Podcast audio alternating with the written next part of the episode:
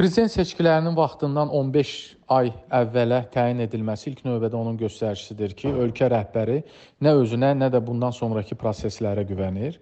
Bu il iqtisadi artım MDB ölkələrindən ən aşağı idi. Gələn ildə isə resessiyanın olması da mümkündür. O da proqnozlaşdırılır. Ölkədə e, bir sözlə sosial gərginlik, sosial uçurum artmaqdadır və gələn il böyük ehtimal pik həddinə çatacaq. Qarabağ ə, e, zəfərini zəfərini legitimliyin artmasına və ə, ictimai dəstəyə istədikləri kimi çevirə bilmədi bu iqtidar. Yəni Əliyev iqtidarının artıq əlində ə, daxildə istifadə edəcəyi hər hansı xarici siyasət kartı qalmayıb və Qarabağ məsələsi axırıncı kart idi ki, onu da istifadə etdilər. Bu məsələdə də ciddi problemlər var hesab edirəm. Belə ki, görünən odur ki, Rusiyanın sülh məramlı qüvvələri 2025-ci ildə ölkəmizin ərazisini tərk etməyəcəklər.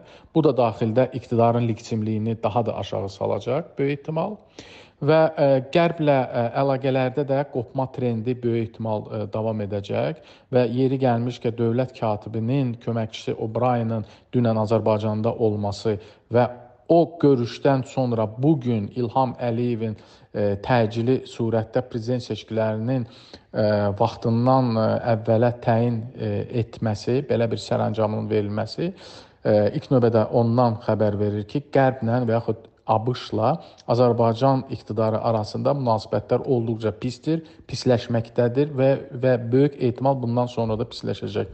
Və problemin də kökü ondadır ki, Azərbaycan geopolitik olaraq öz seçimini edib Rusiyadan yana, e, Putinin yanındadır və bunu da nəzərə alaraq Azərbaycan iqtidarı hesab edir ki, bu da qərblə e, çox ciddi e, gərginliyə səbəb olacaq artıq səbəb olub və irəlidə daha da böyük bu e, yöndə problemlər yaranacaq.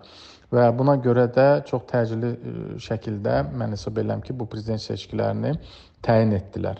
Və son ayların repressiyalarını və yuxarıda dediklərimizi nəzərə alaraq ehtimal edə bilərik ki, gələn il repressiyalar böyük ehtimal davam etdiriləcək.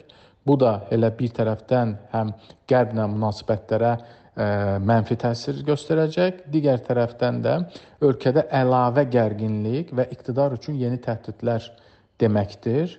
Və təbii ki, bütün bunları nəzərə alaraq Azərbaycan iqtidarı 15 ay əvvələ prezident seçkilərini təyin etmiş oldu.